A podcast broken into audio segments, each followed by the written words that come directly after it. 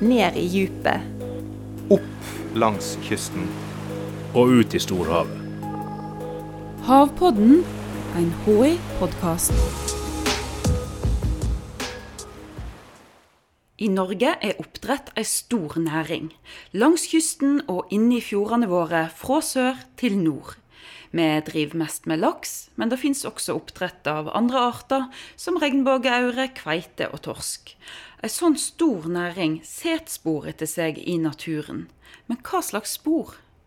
Jeg heter Ellen Sofie Grefsrud, og jeg er hovedredaktør for eh, risikorapport eh, Norsk fiskeoppdrett.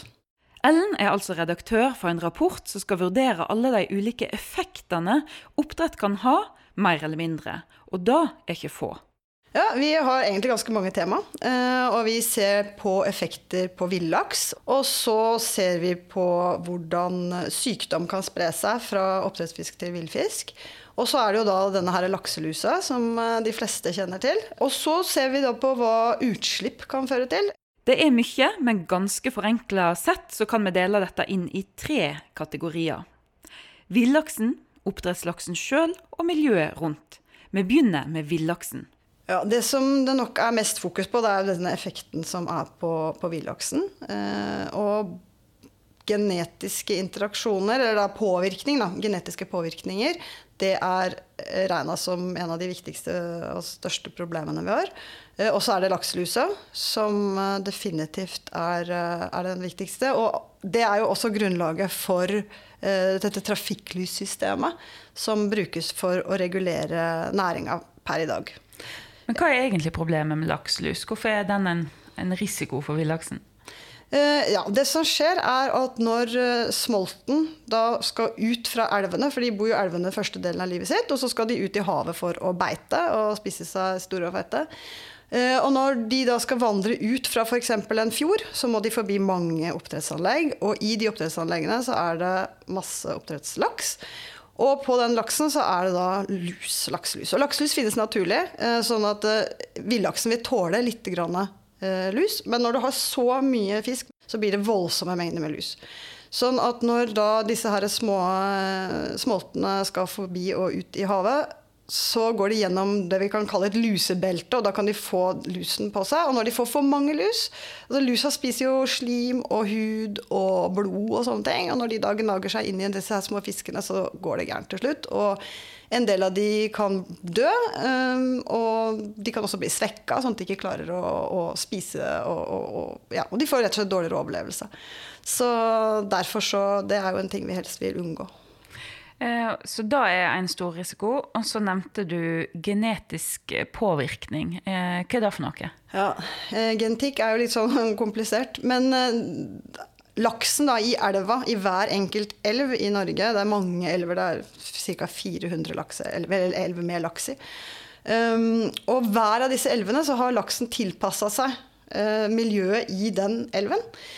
Og dermed så har da seleksjonen, som er da ja, Genene til laksen har tilpassa seg livet i den elven. Så når da oppdrettslaksen, som ikke har den samme genene For de er avla fram, eh, og domestisert, som vi kaller det.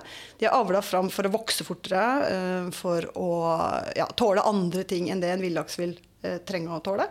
Så når de stikker av, rømmer, og går opp i elvene og klarer å formere seg sammen med villaksen, så blandes disse genene ut. Uh, og da kan det se ut som at avkommene av en blanding av oppdrettslaks og villaks de er ikke så godt tilpassa det livet i den elva. Og dermed så, så, kan de da ha en dårligere overlevelse. Eller de kan ta maten da, fra eh, de villaksene som er der, sånn at de utkonkurrerer eh, villaksen.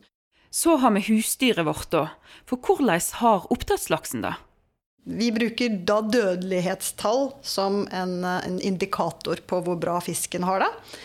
Uh, og det vi ser, er at oppdrettslaksen har det stort sett greit. Den er tilpassa til å gå i disse merdene. Men så får den jo da sykdom, den får lus, og da må den da behandles. Eh, og disse behandlingene de tar eh, på laksen. Og spesielt la oss si at det har vært et sykdomsutbrudd først.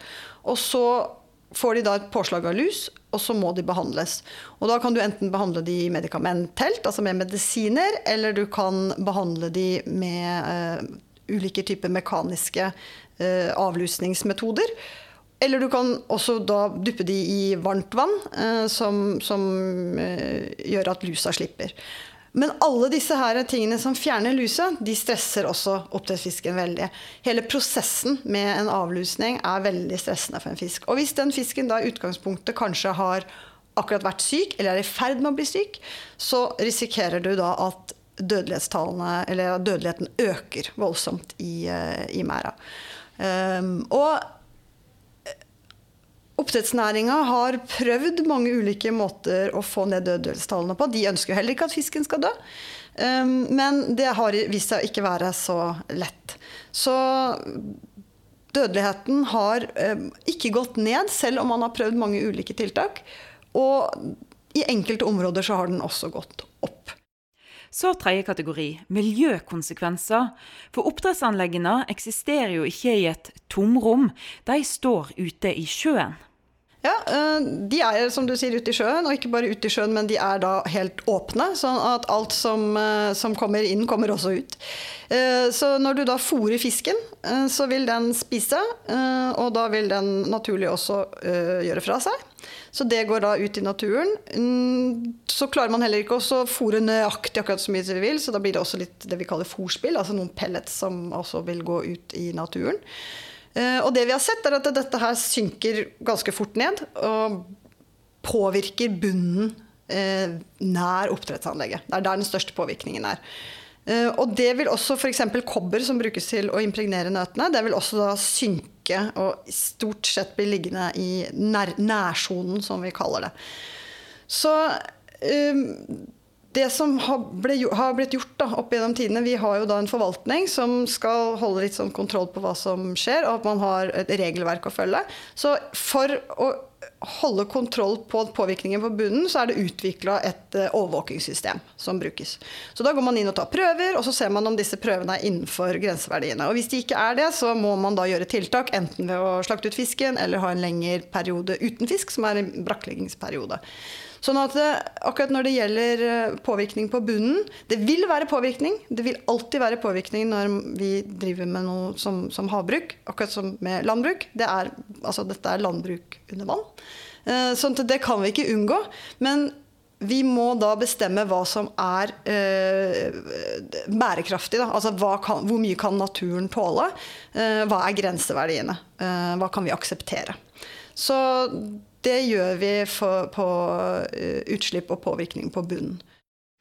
Nå har vi jo snakka om ja, oppdrettslaksen, villaksen, miljøet rundt. Um, du er redaktør for hele risikorapporten, og det er som hører, det er, det er mange ulike typer risikoer eller problem i, i, i, i næringen som en, en må jobbe med. Eh, men er det sånn at risikoen eh, for de ulike problemene er det likt overalt der det er oppdrett, eller er det geografiske forskjeller her òg? Eh, ja, det er nok litt geografiske forskjeller, men det er vel først og fremst avhengig av det vi kaller produksjonsintensiteten. Altså hvor mye fisk produseres i området. Sånn at f.eks. i det som heter produksjonsområde 1, som er på Sørlandet, altså opp til, opp til, fra svenskegrensa opp til Jæren ca., der er det veldig lite oppdrett. Og også i Finnmark så er det veldig få anlegg. Og dermed så vil jo da påvirkningen eh, være mye mindre. På alle eh, disse feltene. Det vil være påvirkning. Kommer ikke utenom det, men den er veldig liten, og den blir jo da veldig lokal. Mens f.eks. hvis du beveger deg opp på Vestlandet, hvor vi har drevet med oppdrett lenge, og vi har veldig mye oppdrettsanlegg, så, da, så ser vi jo at påvirkningen er større på alle de forskjellige temaene som, som, som vi ser på. Så ja, så, så jeg vil si det at det er nok den viktigste faktoren eh, i det systemet her. Hensynet til villaksen, velferden til oppdrettslaksen, overvåking av miljøet.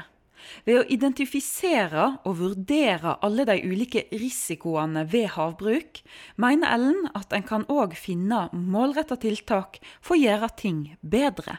Jeg tenker da som sagt at denne risikorapporten den, den um, den viser både hvor problemene er, men den viser også at hvis du setter i gang tiltak, forhåpentligvis så vil man kunne se det i at risikobildet endrer seg over tid. Sant? Så la oss si at man uh, innfører uh, noen tiltak mot uh, enten det er lakselus eller noe annet. Så vil man jo kunne se denne endringen over tid. Altså Når du da gjør, en, gjør, gjør noe, så ser du at det funker, at det virker. Og det tror jeg er ganske viktig oppi hele dette her. Og um, si en motivasjon da, til å, å, kanskje kunne forbedre miljøet i forhold til, til den oppdrettsaktiviteten som vi har. Havpodden er en podkast fra Havforskningsinstituttet.